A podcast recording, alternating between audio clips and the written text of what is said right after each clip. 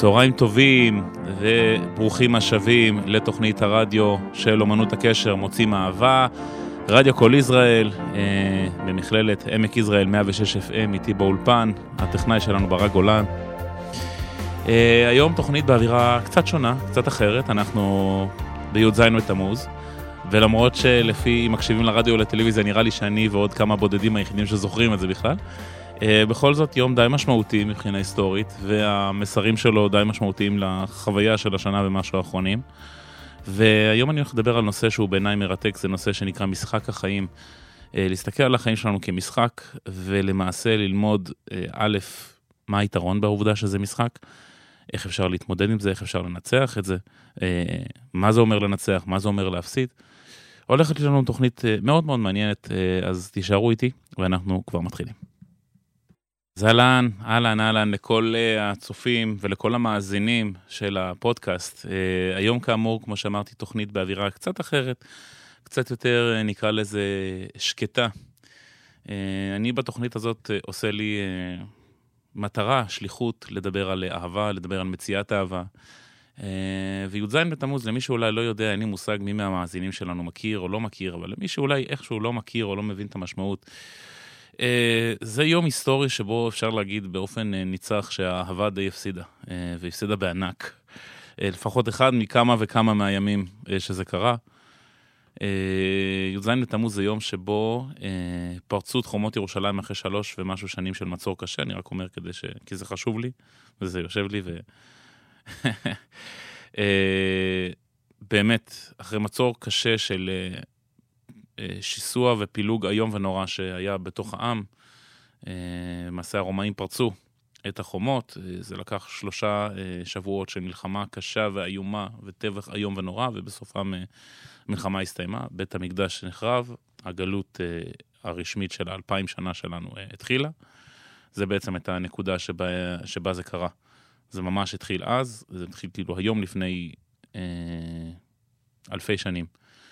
אבל האירוע הזה הוא ככה חי בי, מכיוון שממש בימים אלו שאני מקליט את התוכנית ומשתף, אין ספק שמרגישים בתוך העם, בייחוד אחרי השנה הקשה של הקורונה שהייתה לנו, מרגישים מאוד את התחושה הקשה של שיסוי ופילוג בין אה, שבטים, וזה משהו שהוא ככה מאוד מאוד כואב. עכשיו, לרובנו אין הרבה מה לעשות בנידון, כי אני מאוד בדעה שאם משהו גדול עלינו בכמה וכמה מידות, אפשר אולי לדבר עליו, אבל הכוח שלנו לעשות משהו שם ברמות הגבוהות מאוד, הוא מאוד מאוד קטן ומאוד מאוד לא משמעותי, ולכן חבל לעסוק בו. אה, מה שכן, ובזה אני כן הולך לעסוק בעזרת השם, זה מה אנחנו יכולים לעשות כדי קצת לשפר את החיים שלנו. ובזה התוכנית מתמקדת באופן כללי, ובזה אני הולך להתמקד גם היום, כשאני הולך לדבר איתכם על משחק החיים. משחק החיים אה, זה למעשה אה, אחת הצורות שבהן אני לפחות מסתכל בזמנים של קושי, אה, מסתכל בזמנים של קושי מול העולם. אני רוצה להזמין רגע את מי שאיתי לדמיין לרגע לוח משחק, אוקיי? אה, זה דומה קצת ללוח המשחק של שחמט, אבל בניגוד אה, ללוח אחד, תנסו לדמיין מאות על גבי מאות, על גבי מאות של לוחות שחמט שצמודים אחד לשני, וכל תנועה שווה לזמן של יום שלם, אוקיי? וזה משחק של אלפי תנועות אפשריות, שמסמלות את אלפי הבחירות השונות שאפשר לבחור כל יום. אז זה, רבותיי, משחק החיים. החוקים של המשחק הם פשוטים יחסית. אה, והעובדה ששיחקתם את המשחק הזה מאז ומתמיד, אה, אם הייתם במודעות לזה או לא הייתם במודעות לזה, זה בסדר גמור. אבל הנקודה היא שבכל יום מחדש אפשר לבצע את הפעולה הנכונה, שמביאה אותי שמביאה אותנו קרוב יותר לחיים שמחים ומלאים, עם משמעות גדולה יותר. או לחלופין לבצע פעולות שגויות ולא טובות, שירחיקו אותנו מכל הדברים הטובים, וקרוב יותר לכל הכאב והסבל שיש לעולם הזה להציע. אז יש לי חדשות טובות ויש לי חדשות טובות קצת פחות, בשביל מי שמאזין לי כרגע. החדשות הטובות זה שהמשחק, משחק החיים הוא די ארוך לרובנו. אה, רוב המשפח... המשתתפים במשחק זוכים לבצע בממוצע, וחישבתי את זה, 28 אלף אה, תנועות של משחק, שזה בערך 79 שנים של חיים, של תנועות, לפני שהמשחק נגמר.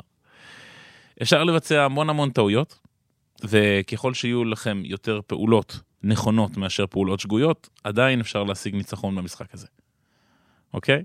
עדיין אפשר למצוא אושר, אפשר למצוא שמחה, אה, הגשמה עצמית, משמעות וכמובן אהבה מאוד מאוד גדולה.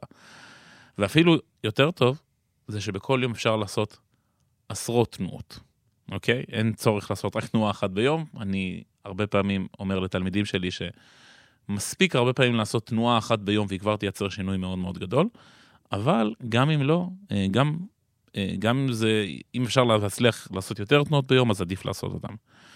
המשמעות היא שאין צורך אה, להבין איזה תנועות בדיוק לעשות כל יום, כן? צריך להבין איך לבצע רק אחת מתוך מגוון התנועות שאנחנו יכולים לבצע. אם אפשר לבצע הרבה תנועות חיוביות ברצף, אוקיי?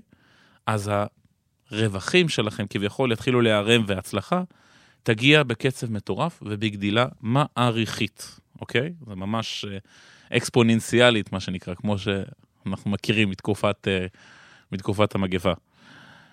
אז קודם כל אני מקווה שזה נשמע טוב. אז זה היו החדשות הטובות. עכשיו נדבר לרגע קצר על החדשות הפחות טובות.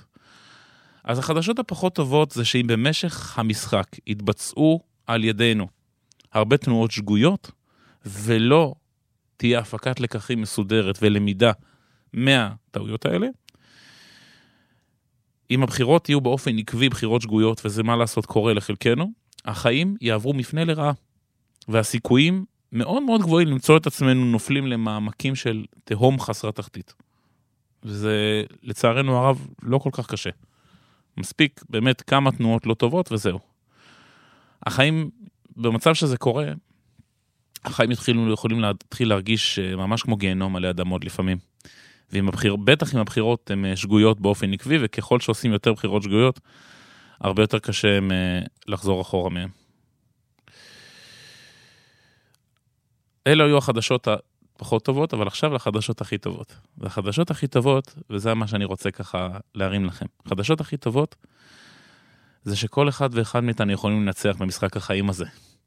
לא חשוב כמה הרגשת אולי שנשארת רחק מאחור, לבד, בלי אהבה, או בלי כסף, או בלי או מכה כלשהי, כמה תנועות שגויות ביצעת לאחרונה, או מה בדיוק מצב החיים שלך כרגע.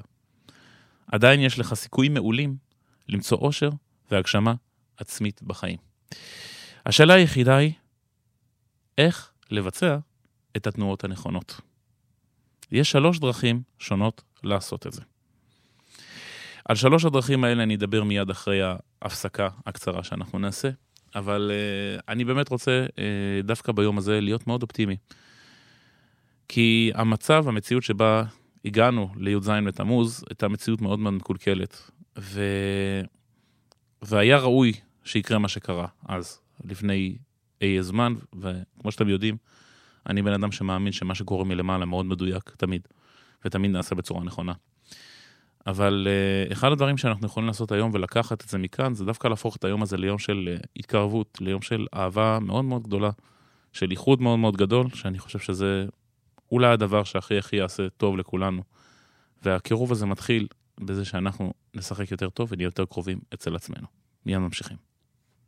חזרנו, אה, י"ז בתמוז, אה, תודה רבה אגב לעוקבים שלנו אה, ברשתות החברתיות, מי שרוצה, התוכנית גם משודרת בלייב בדף של אמנות הקשר, אתם מוזמנים לבוא, להגיד שלום, אה, ממש בכיף. אה, התחלנו לדבר קצת על משחק החיים, ודיברנו על, אה, הזכרתי שיש למעשה שלוש, שלוש דרכים איך נוכל אה, למעשה להתגבר וללמוד איך להתמודד במשחק החיים ולנצח בו. אלה שלוש דרכים שונות, כל אחת אה, שונה בחשיבותה, אני אנסה לתת לכל אחד קצת אה, רקע וקצת יכולת כדי שבאמת נוכל לעבוד איתן. אה, ואני אנסה לתת דוגמאות טובות של איך אפשר אה, לעשות את זה כמו שצריך. אז ככה, כמו שאמרתי, יש שלוש דרכים לשחק את משחק החיים בצורה טובה. הדרך הראשונה היא מזל. תראו, יש זמנים שאנחנו באמת לא יודעים איך לפעול בהם. ואז אנחנו באופן אקראי לחלוטין בוחרים איזו פעולה לבצע, ובמזל טהור יוצא שבחרת את, התנועה הנכונה. כמובן, אין לי הרבה מה לומר על העניין הזה, על האקראיות והמזל, מכיוון שכשמשחקים במשחק החיים, זאת יכולת שאי אפשר ללמוד אותה, ולא לשלוט עליה בשום צורה, אוקיי? אה, אגב, זה גם לא משנה לענייננו כאנשים מאמינים, אני כאדם מאמין, אני לא, אני לא משתמש במילה מזל בדרך כלל, אלא יותר במילה השגחה, במובן של התערבות של כוח עליון בנעשה בחיים שלי, כן? אבל זו הגדרה מאוד רחבה, אני לא אתעסק בה כרגע, אבל נסכים. גם אם נסכים שיש דבר כזה השגחה פרטית, ואני אישית כמובן מאמין שיש, עדיין מדובר במשהו שהוא נמצא לגמרי מחוץ לשליטה שלנו, אוקיי? וחשוב להבין שאני לא מדבר על מזל אקראי, אני מדבר על מזל אקראי לגמרי, ולא על מה שאנשים קוראים לו בטעות מזל, אבל בעצם אה, מתכוונים לזיהוי וניצול חכם של הזדמנויות, אוקיי? אני אדבר על זה בהמשך, זה כבר לא מזל. אוקיי? אה, ניצול הזדמנויות וזיהוי שלהם זה לא מזל, זה ממש אה, מיומנות, ואפשר בהחלט לפתח אותה, נדבר על זה תכף. אז מזל זה אופציה אחת, והיה מאוד נחמד אם היינו יכולים לנהל את החיים שלנו במזל אקראי לחלוטין, אבל זה לא עובד ככה. אז אנחנו עוברים ישירות לאופציה השנייה, שהיא אחת האופציות האהובות עליי ואני יכול להעריך בה רבות. נדבר עליה קצת באריכות עכשיו. האופציה הזאת נקראת מנטורים. אז ככה, מה זה מנטורים בכלל? בואו נדבר על זה רגע. מנטורים טובים הם למעשה אנשים שפשוט משחקים את משחק החיים בהצלחה יותר זמן ממך, ממך, ממני. זה הכל. הם יכולים להסתכל מעבר לכתף אל לוח המשחק שלך ושלך, ולעזור לכם לבחור בין התנועות הנכונות ובין התנועות השגויות. אגב, מנטור טוב מוגדר על ידי שלושה הדברים הבאים. קודם כל, הוא חי ומצליח בעצמו בדרך שהוא מלמד, אוקיי? Okay? אה, הוא לא אומר כל מיני דברים שהוא שמע באיזה קורס, או באיזשהו ייעוץ, או באיזשהו משהו, הוא לא מקיא חומר, הוא חי אותו ומצליח בו, זה דבר ראשון. דבר שני, הוא יודע ללמד. אה, דיברתי כאן באחת התוכניות הקודמות אה, על אה, ייעוד ויכולות ותשוקה, זה... ויש אנשים שיש להם כישרון כזה, זה ממש לא כישרון מובן מאליו לדעת ללמד אנשים אחרים, וזה אחד הדברים שמגדירים מנטור טוב. מנטור טוב יודע ללמד, זאת אומרת, הוא לא רק נורא חכם, הוא גם יודע, הוא יודע להסביר למה. מה שהוא עושה עובד, והוא יודע להעביר את זה הלאה, שזה דבר גדול מאוד. ומי שלומד ממנו והולך בדרך שלו, מצליח באופן מוכח. שזה גם משהו שמאוד מאוד לא אופייני לסתם יועץ או סתם עוזר, אלא באמת אופייני למנטורים טובים. בגלל כל היכולות האלה, מנטור אמיתי, יש לו יכולת אמיתית לייצר מהפך בחיים, של, בחיים שלך, בחיים שלך. לפעמים בכישרון רב באמצעות משפט אחד או פעולה אחת בלבד, שנאמרו במקום הנכון ובזמן הנכון. כתבתי המון המון בעבר על מנטורים, פעמים רבות. כתבתי פעמים רבות אחר כך על uh, מנטורים, ואם יש לך, uh, אם יש למי מכם גישה לאחד כזה, אוקיי? אני בהחלט ממליץ לטפח את מערכת היחסים הזאת. רגע אחד בבקשה. יפה. אני בהחלט ממליץ לטפח מערכת יחסים כזאת עם מנטור כזה, כי זה דבר שהוא יצמיח אתכם בצורה בלתי רגילה. מה גם שזה אה, מתקשר לתוכנית נוספת שלנו, שדיברתי על אומץ, ובה הזכרתי שמנטורים זה, מנטור טוב זה הבן אדם היחיד בעולם שאני רוצה ומבקש את הביקורת שלו, כי מהביקורת הזאת אפשר להיבנות יותר מכל ביקורת אחרת ששומעים בשום, בכל דבר אחר, ואפילו להתמסר אליה. דבר נוסף והוא מאוד חשוב לדבר על מנטורים, זה שלכל אחד מאיתנו יכולים להיות יותר ממנטור אחד בחיים, זה בסדר גמור. וגם בתקופה מסוימת בחיים יכול להיות יותר ממנטור אחד, בין אם זה מנטור אחד לעסקים או מנטור אחד לשיווק. אם בעסקים זה עולם אחד של מנטור לשיווק, מנטור לפרסום, מנטור לקופי רייטינג, לפעמים יש גם בן אדם שמאגד בתוכו את כל הידע הזה יחד. אה, וגם בעולם הטיפול, גם בכל העולמות האחרים שאנחנו עוסקים בקריירה שלנו, בעבודה, יש מנטורים. ומנטורים בדרך כלל הם אנשים שמאוד מאוד רוצים ושמחים לראות אותנו גדלים ומתפתחים ושנהיה לנו טוב יותר. אז אה, זה לגבי העולם הזה שנקרא מנטורים. מאוד מאוד חשוב להשתמש בזה, מאוד חשוב, זו דרך טובה מאוד לנצח במשחק החיים. אז זאת הדרך השנייה. הדרך השלישית היא אולי החשובה ביותר ובה אני אעריך אה, את רוב השיחה שלנו היום, וזו הדרך שנקראת חוכמה, והיא גם הכי חשובה מכולם. למה? כי חוכמה זאת היכולת להבחין בין טוב לרע בכוחות עצמי. היא הכי חשובה והיא הכי קריטית בין הדרכים. כי חובה עליך ללמוד לסמוך על עצמך בסוף היום. המנטורים, המורים וההורים לא יכולים להחזיק לנו את היד לנצח. אני מוצא את עצמי אומר את זה הרבה פעמים כשפונים אליי אה, הורים ולילדים מבוגרים שלא מצליחים להתחתן ושואלים אותי, אלעד, איך אני עוזר לאנשים האלה להתחתן? אולי אני אגע בזה קצת אחר כך במענה שלי לעניין הזה. אבל הם באמת לא יכולים להחזיק לך את היד לנצח. הדבר הכי טוב בחוכמה, ובאמת הדבר הקסום ביותר בה, זה שזה כלי שכל אחד יכול להשיג על ידי למידה של שלושה נושאים פשוטים מאוד. אה, ואני אתחיל בנושא הראשון. והנושא הראשון שצריך ללמוד זאת התנהגות אנושית. זאת אומרת, ללמוד איך אנשים חושבים ואיך הם מתנהגים. כלומר, מה רוב האנשים יעשו בכל מיני תרחישים שונים. למה הם עושים את הדברים האלה כמו שהם עושים אותם. מה הדפוסים שמופיעים שוב ושוב בתרבויות שונות, לכן חשוב ללמוד היסטוריה למשל. מה אנשים בכלל רוצים מהחיים שלכם? כל הדברים האלה, ממש חובה עלינו ללמוד. פשוט מכיוון שהעולם שאנחנו חיים בו מנוהל על ידי בני אנשים. ומאוד מאוד חשוב להבין איך מתנהלים אנשים. אני הולך להרחיב עוד על הנושא הזה של אנשים והמיומנויות האחרות בהמשך. אנחנו נצא לעוד הפסקה קצרה ומיד לאחריה נמשיך. ברוכים השבים. אה, לפני שיצאנו להפסקה הקטנה הזאת, דיברנו על אה, שלוש הדרכים להצליח להתמודד בצורה טובה. שלוש דרכים להתמודד בצורה טובה עם העולם הזה, עם המציאות שלנו. עם המציאות שלנו, ודיברנו על שתי דרכים, אחת יעילה פחות, שזה מזל, ואחת יעילה יותר, שזה מנטורים, והדרך השלישית והיעילה ביותר זה מה שנקרא חוכמה. והדבר החשוב ביותר, יש שלוש דברים, נושאים חשובים שחשוב ללמוד כשאנחנו רוצים להיות חכמים יותר. והנושא הראשון זה, כמו שאמרתי, זאת התנהגות אנושית, מכיוון אה, שאנשים שולטים בכוכב הזה. לא יודע אם שמתם לב, לא יודע אם הסתכלתם ימין או שמאל, העולם הזה מנוהל על ידי אנשים, ונורא נורא חשוב להבין איך אנשים התנהלו, למה הם עושים את מה שהם עושים, מה הדפוסים שחוזרים על עצמם. אה, יש משפט מאוד חכם שמי שלא לומד מההיסטוריה אה, נגזר עליו לחזור ולחוות אותה שוב ושוב. אגב, גם מההיסטוריה האישית שלנו, אבל בוודאי ובוודאי מההיסטוריה האנושית. אה, ולהבין מה אנשים רוצים בחיים שלנו. מאוד מאוד חשוב ללמוד את זה.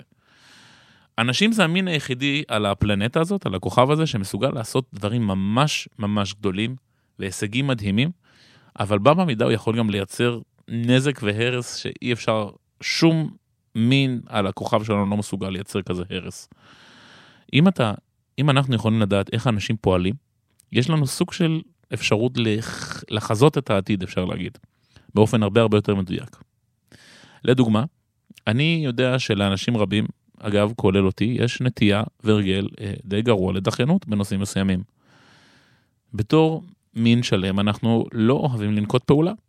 עד שהמצב כל כך חמור, שאנחנו כבר לא יכולים יותר להתעלם ממנו בשום צורה שהיא. רק תסתכלו איך, אה, איך הייתי עוד תגובות לקורונה. אה, אני רק מזכיר שרובנו לא ממש עשינו משהו עד שזה כבר ממש היה מאוחר מדי. כבר המגפה אה, התפרצה, וכבר מלא נדבקים, ומלא מלא פגיעות, ועסקים, וכלכלה, וכל אלה, רוב האנשים הגיבו מאוד מאוד מאוד לאט, וכבר כשכבר ממש לא הייתה ברירה, למרות שהאזהרות היו כבר הרבה הרבה לפני כן. והאמת, אני חייב לציין ברמה האישית שהייתה לי תחושה שזה יקרה. כי אי שם בינואר 2020, כשאני זוכר שקראתי על הנגיף הזה בפעם הראשונה, ראיתי איך רוב העולם מגיב לזה, והיה ברור לי שכולם הגיבו לאט מדי, ושהעולם השתנה לחלוטין. אה, עשיתי כמה פעולות, באמת בהסתמך על ההערכות האלו, וזה אפשר לי להעלות את ערך העסק שלי בלפחות 50 אחוז, לפחות מכמה חודשים. פשוט כי התבוננתי. יכולתי לבצע את הפעולות הנכונות בזכות ההבנה שלי בטבע האנושי. ועדיין, השאלה המרכזית שאולי חשוב שנשאל כאן, אה, איך יתאפשר לך או לך, שמאזינים עכשיו, לשפר את ההבנה שלנו לגבי התנהגות אנושית? אז ככה, ההמלצה הראשונה שלי זה כמובן לקרוא ספרי פסיכולוגיה, אוקיי? כמו אה, חוקי הטבע האנושי של רוברט גרין, שממש מפרק את זה באופן משמעותי, אני מאוד ממליץ. כל הספרים של פרופסור דן אריאלי אה, מדהימים בעניין הזה ויעזרו לכם להבין מאוד מאוד את הטבע האנושי. אה, ושני הספרים של ג'ורדן פיטרסון, שהוא באמת בעיניי אולי אחד האינטלקטואלים הכי חשובים של הדור הזה, 12 אה, כלל, כללים לחיים ולהיות אדם, גם כתבתי על הספרים האלה לא מעט. וסיכמתי אותם, ובאמת, כל כך כל כך חשוב. אלה ממש ספרי חובה בכל מה שקשור לפסיכולוגיה, ואגב, אה, אני אציין אה, בשמחה שלפחות אה, אחד מהאנשים האלה, כולם יש להם אתרים ששווה להסתכל. ג'ורדן פיטרסון, אגב, יש לו גם באתר שלו בפירוט רשימה של כל הספרים שהוא ממליץ לקרוא, כדי ככה לקבל את הנקודת מבט הטובה, את השכל, את החוכמה, את המשמעות. ואני לוקח לי, לקחתי לעצמי משימה להתחיל לאט לאט לקרוא אותם. אני די בהתחלה, זו רשימה לא, לא קטנה, אבל זה מאוד מאוד חשוב ויעשה לכם טוב. דבר ראשון שאני ממליץ זה לקרוא ספרי היסטוריה טובים שנותנים uh, מבט על איך בני אדם פעלו לאורך ההיסטוריה ולמה הם פעלו ככה. אני מאוד מאוד ממליץ. Uh, זה משהו שאפשר ללמוד ממנו המון. יש uh, פודקאסטים שעוסקים בנושאים האלה, יש uh, ספרות ענפה בנושא הזה, מרתקת אגב, בעיניי לפחות, ושווה ללמוד, באמת אפשר ללמוד המון מזה. ולבסוף, יש אפשרות ללמוד מניסיון אישי, פשוט על ידי חשיפת עצמי אה, חשיפת עצמכם לכמה שיותר אינטראקציות אנושיות שיש לכם יכולת אה, לייצר. וזה יעזור לכם ויאפשר לכם היכרות מעמיקה יותר עם הדפוסים האלה לאורך זמן. כמובן, אה, אנחנו בהנחה שהמגפה מאחורינו כמובן, וסוף סוף אפשר לפגוש אנשים, אז אני מאוד ממליץ בחום לעשות את זה. הרבה פעמים שואלים אותי, אלעד, מאיפה יש לך כזה ניסיון, ניסיון כזה גדול לפנות לאנשים, ניסיון כזה גדול אה, איך לתקשר עם אנשים, ניסיון גדול בהבנה של אנשים.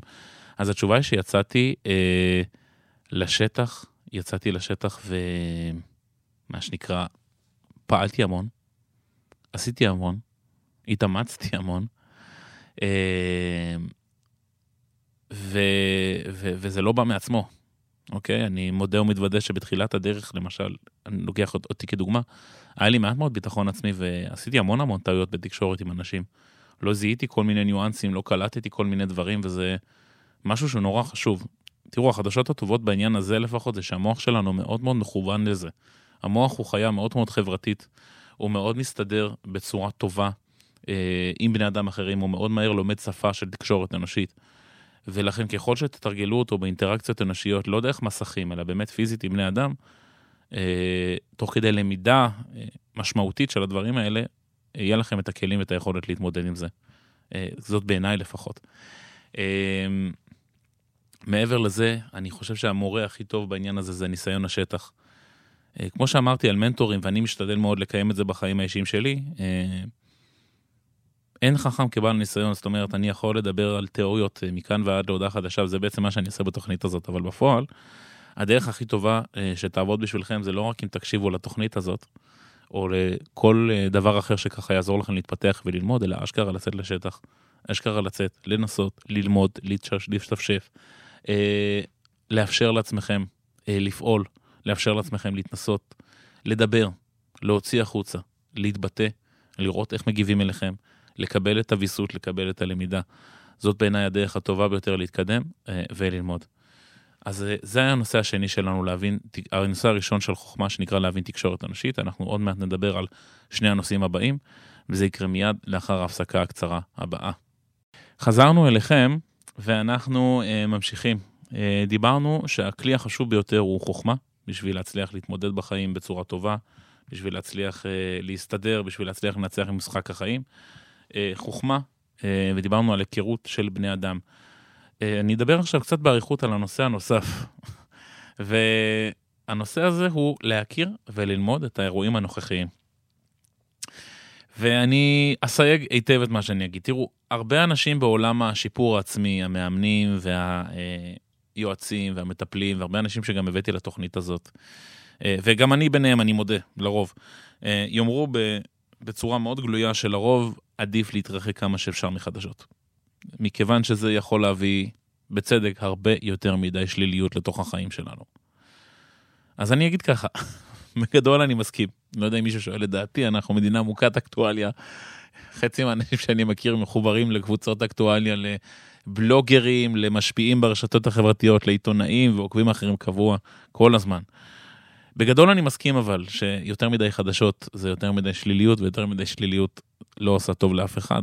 אה, השתמשתי בעבר בביטוי נרקומניה של רגשות שליליים סביב חדשות, וזה נכון, יש לנו צורך כזה בחדשות, אנחנו רוצים לדעת. יותר מדי מזה זה חד משמעית לא טוב, זה הורגש בעיניי הכי חזק בתחילת הסגרים, אני זוכר שהטלוויזיה הייתה דלוקה אצלנו אה, כל הזמן, והפייסבוק היה פתוח, ופשוט, אחרי כמה ימים של פשוט לא הצלחנו לישון מרוב החרדות, אז פשוט אמרנו די, והפסקנו, ואני די בטוח שאנחנו לא היחידים. אה, וזה באמת באמת השפעה לא טובה, אבל בגדול, אה, חשוב שכדאי שנשאר מעודכנים ברמה כלשהי לגבי האירועים הנוכחיים. ברמה כלשהי. אני עושה את זה בדרך כלל, אגב, השיטה שלי, זה לעשות את זה דרך הפיד שלי ברשתות החברתיות. שפשוט כל מיני מובילי דעת קהל, כל מיני אנשים שאני אוהב לקרוא, והם מרככים ומעבדים עבורי חלק נכבד מהידיעות, מהצרחות טוויטר האחרונות שהיו, מכל מיני דברים כאלה.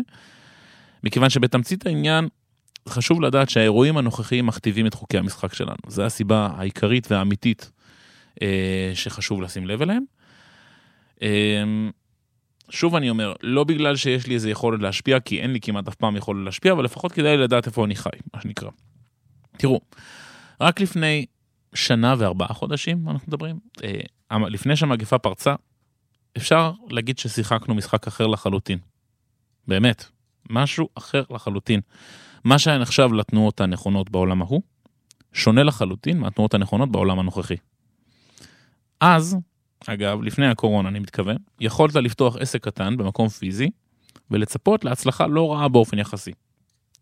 ב- בימינו, ברוב המוחלט של העולם, בישראל אולי זה קצת מתחיל להיות יוצא דופן, אבל גם בישראל יש בעיות אחרות, שוב, אני לא אכנס אליהן כרגע, כי זה לא נושא התוכנית, אבל אה, בימינו אנחנו מבינים שמשימה כמו לפתוח עסק קטן פיזי באיזשהו מקום, זה משימה מטורפת, מאוד מאוד קשה, ולפעמים בלתי אפשרית לחלוטין. בטח אם אתה לא, אם אנחנו לא מודעים לאירועים הנוכחים, לא יודעים מראש על המגפה, עד שהיא פוגעת ספציפית בשכונה שלי, ואז, אה, מי ש... בוא נגיד ככה, מי שהחליט בינואר 2020 לפתוח עסק פיזי, איך לומר בעדינות, הוא כנראה כבר, העסק כנראה כבר לא קיים, אלא אם באמת הוא עשה סדרת שינויים מטורפים כדי לעשות את זה. מצד שני, אם נחשפת לחדשות בינואר 2020 כמוני, לצורך העניין, אפשר להבין שהמשחק עמד להשתנות לחלוטין, אפשר היה להבין את זה מהחדשות. וכדאי לחכות לרגע עם כל ההחלטות המשמעותיות שנייה, רק כדי להבין איך העניינים התחילו להתגלגל. העולם שלנו משתנה באופן תדיר, וממש חשוב שנדע לאמץ שינויים חשובים ביחד איתו. אם נתפסנו במקום הלא נכון ובזמן הלא נכון, כי לא הייתה לנו מודעות לשינויים האלו, זו יכולה להיות פשוטו כמשמעו התנועה הגרועה ביותר בחיים שלנו. להיות במקום הלא נכון, בזמן הלא נכון, יש בדיחה כזאת, יש משפט כזה שנקרא לוקיישן, לוקיישן, לוקיישן. מיקום, מיקום, מיקום, אני הייתי מוסיף לזה גם זמן.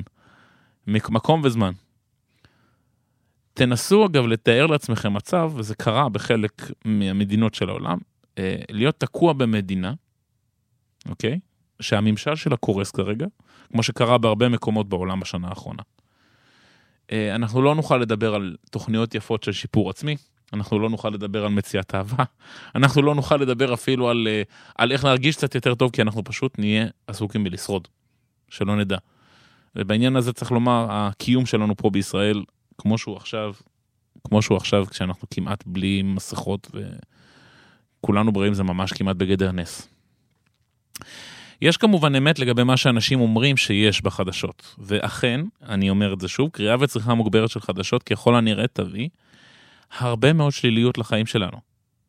אז הדבר היחיד שאני מציע פה זה לעדכן את עצמכם אה, פעם בשבוע, פעם בשבועיים. אני לא חושב שצריך, אם יש לכם רגישות יתר לעניינים האלה, כי יש הרבה אנשים שמסוגלים לווסת ולסנן את ההשפעה של חדשות ברמה זו או אחרת, וזה לא באמת משנה להם ביום יום יותר מדי, הם כזה שומעים, אה, טוב, בסדר, שמענו בחדשות. אבל אה, אם יש לכם רגישות יתר והדבר הזה ממש קצת משתלט לכם על החיים ועל המצב רוח וכולי, אז אני מציע קצת לבצע אה, היפרדות בריאה, נקרא לזה מזה, ולהתעדכן באמת בשביל להישאר בעניינים פעם בשבוע, פעם בשבועיים. כי שוב, אה, אין לנו כמעט שום יכולת השפעה על העניין הזה. אה, אם אתם אה, כמוני אגב, הרבה אנשים בישראל כמוני שמתאים לנו לצרוך חדשות ברמה יומית, אז אני ממליץ בחום לעשות את זה בשעות המאוחרות של היום, אחרי שהסתיימה כל העבודה, ושזה לא יתערב בפוקוס שלכם, כי הפוקוס שלכם הוא עיקר ערך מאוד, אה, ובקרוב אנחנו נעשה את אחת התוכניות הקרובות על פוקוס ועל סדר יום ועל איך תכנון, אבל באמת, מאוד מאוד חשוב, והצעה ככה טובה שלי.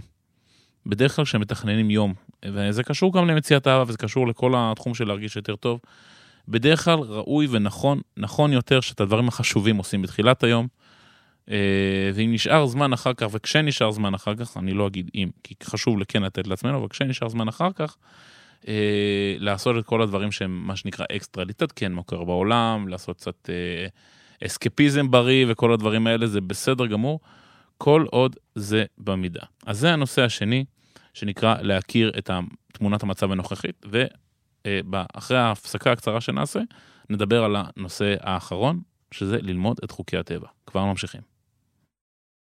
חזרנו אליכם. אה, אז דיברנו מתוך חוכמה על שני נושאים מרכזיים, אחד זה להבין בני אדם והשני להיות מעודכן באירועים הנוכחיים. הנושא האחרון שקשור בנושא הזה ואני רוצה קצת להרחיב עליו זה חוקי הטבע. המשמעות זה פשוט להבין באופן בסיסי איך הטבע עובד. דברים כמו פיזיקה, ביולוגיה, טכנולוגיה וכולי.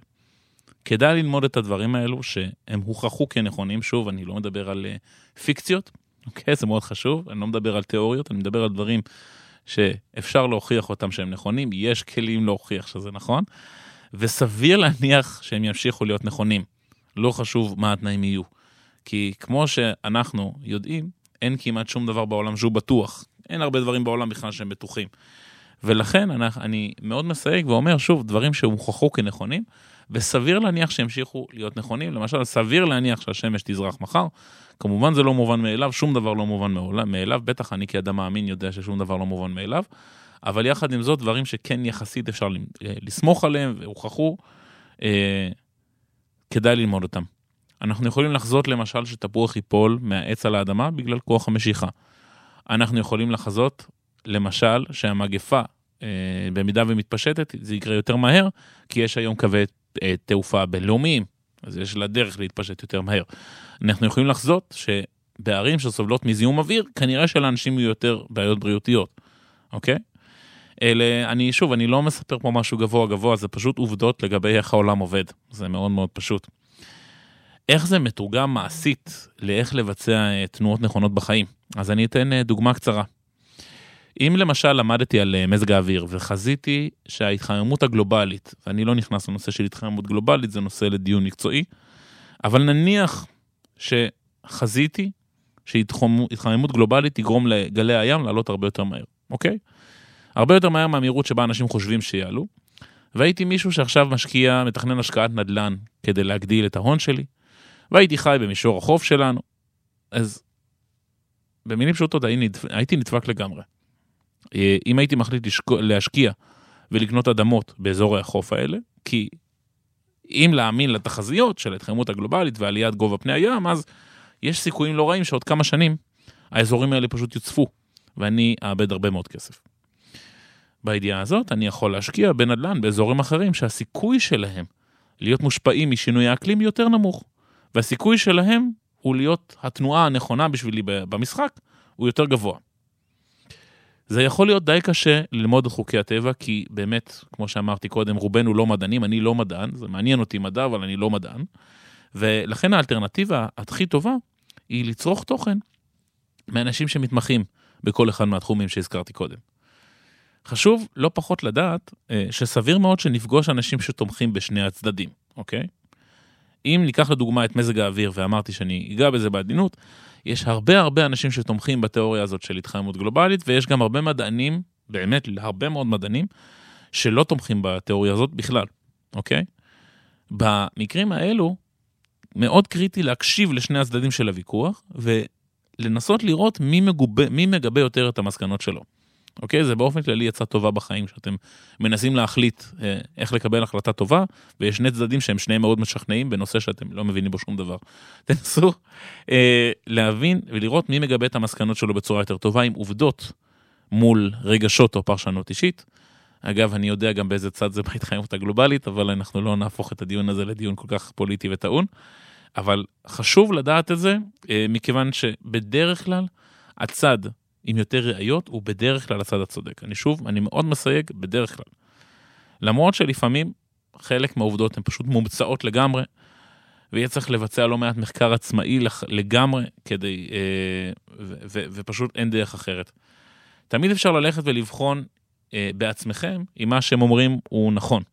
אם מדברים למשל על אה, גובה מי הים, אוקיי? אה, אפשר לראות היום בהקשה כלילה בגוגל מה אה, כמות הקרח שנמצאת בקוטב. ברגע שתעשו זאת, ממש אפשר, אפשר לראות שהמסת הקרח, למשל, נמצאת בשפל חסר תקדים. ומי שתומך בעובדה שתיאוריית ההתחממות הגלובלית באמת מתרחשת, יש לפחות בסיס סביר להאמין שהוא צודק, לפחות בהיבט הזה. אז אה, זהו, זה לגבי אה, חוכמה. חשוב מאוד ללמוד על התנהגות אנושית, על האירועים הנוכחיים ועל חוקי הטבע באופן נרחב וקבוע, כי למידה של הנושאים האלו יעלו משמעותית את הסיכויים שלנו לבצע את הפעולות הנכונות במשחק החיים. ההצלחה תעלה משמעותית את הסיכויים שלנו לחיים הרבה יותר מאושרים וגם את היכולת להימנע מכאב וסבל מיותרים. אני חושב ש... אה, אני חושב שזו נקודה שיכולה להתקשר יפה ליום הזה, אה, מכיוון שכשבית המקדש נחרב, נוצר חורבן. חורבן הוא חוויה מאוד קשה בחיים של אה, רבים מאיתנו. הרבה מאיתנו חווים חורבן ברמה האישית, ברמה הנפשית, ברמה הזוגית אגב, יש הרבה מאוד אנשים שמאזינים לתוכנית שחוו חורבן זוגי. זה חורבן עצוב ומאוד מאוד כואב. אני חושב שייתכן שהתנועה של חלקנו בדברים האלה הייתה תנועה לא נכונה במשחק. וזה בסדר, התנועות הלא נכונות קורות לכולנו, והן כואבות וסובלים מהן מאוד. אני חושב שהחוכמה הגדולה ביותר היא לקחת את מה שאנחנו יודעים, ולעשות בו שימוש אה, מושכל וחכם, בשביל למעשה אה, לצאת מתוך האזור סכנה הזה, אה, לדעת איך לנווט בתנועות הנכונות ואיך לפעול בצורה נכונה. מה שאני ארצה לגעת במעט זמן שנשאר לנו, אוקיי? אני ארצה להתייחס באמת לשאלה איך, איך אנחנו יכולים לקחת לתוך החיים שלנו יותר אחריות ויותר הצלחה כדי אה, להצליח במציאת זוגיות מאושרת. שאלו אותי אה, שאלה, אוקיי? ואני אתייחס אליה עוד רגע בהרחבה, אם יישאר לנו קצת זמן, אני רואה שאין לנו עוד הרבה זמן לתוכנית, אוקיי? אז אני, אה, אנחנו נצא עוד רגע להפסקה אה, קצרה, ולאחריה, אה, בזמן שיישאר, אני אענה לשאלה הזאת. אז אה, אחרי שדיברנו על משחק החיים, בזמן שנשאר, אני רוצה להתייחס לאיזושהי שאלה ששאלו אותי, אה, מאוד מאוד טובה, הרבה מאוד פונים אליי הורים ואנשים מבוגרים ורוצים לעזור לילדים שלהם. אה, הנה שאלה אחת כזאת ששאלו אותי. שאלו אותי, שלום אלעד, אני אימא, ו... ויש לי דילמה עם הבת שלי, שהיא בת 34, היא גרה בבית, יש לה מרחב פרטי משלה. עבודה מסודרת, נתונים מעולים, ועדיין היא מתקרבנת, היא בלי ביטחון, יש לה קושי גדול בקבלת החלטות, ואין לה ראייה בוגרת ואחראית. היא הייתה אצל הרבה מטפלים, אבל היא לא עשתה עבודה, היא הייתה אצלם בעיקר בשביל לסמן וי, והם מצידם בעיקר משכו זמן כדי להרוויח על חשבונה עוד כסף. אה, לא יפה, אני חייב להגיד, ברמה האתית האישית, אה, חבל שלא הכרת פרטנרים שלי. אה, בתחום הזוגי לבד אה, לא מוצאת גברים נורמליים, ומי אה, שהיא כן מוצאת הם פרטנרים מאוד גרועים. והשאלה היא איך אני יכולה לעזור לה, שואלת האימא הזאת. היא כבר לא מוכנה ללכת לשום מטפל, ומה גם שהיא משדרת לה, במפגשים, מציגה, לא קשור למציאות העגומה שלה. התשובה הקצרה מאוד מאוד שלי, מכיוון שהזמן שלנו מסתיים, זה בדיוק להקשיב למשחק החיים ולהבין שלבן אדם לא צריך להתערב בחיים שלו, צריך לתת לו ללמוד את משחק החיים בעצמו. את התשובה המלאה אתם יכולים לראות בקרב התשובות שעניתי בערוץ הטלגרם שלנו. לצערי הרב, הזמן שלנו הסתיים, היה לי אה, כיף להיות כאן היום. אה, אני מאחל לכולם צום קל למי שצם ומי שלא, באמת שיהיה אחדות ואהבה גדולה בעם, שנזכה לבית מקדש אמיתי שבו כולנו נרצה אותו באמת מכל הלב, כי רק כך הוא יקום. אה, תודה לכם על ההקשבה. אה, זאת הייתה התוכנית השמינית של אה, מוצאים אהבה, הטכנאי שלנו ברק גולן, רדיו קול ישראל 106 FM. תודה רבה ואנחנו נתראה בטוב בשבוע הבא. להתראות.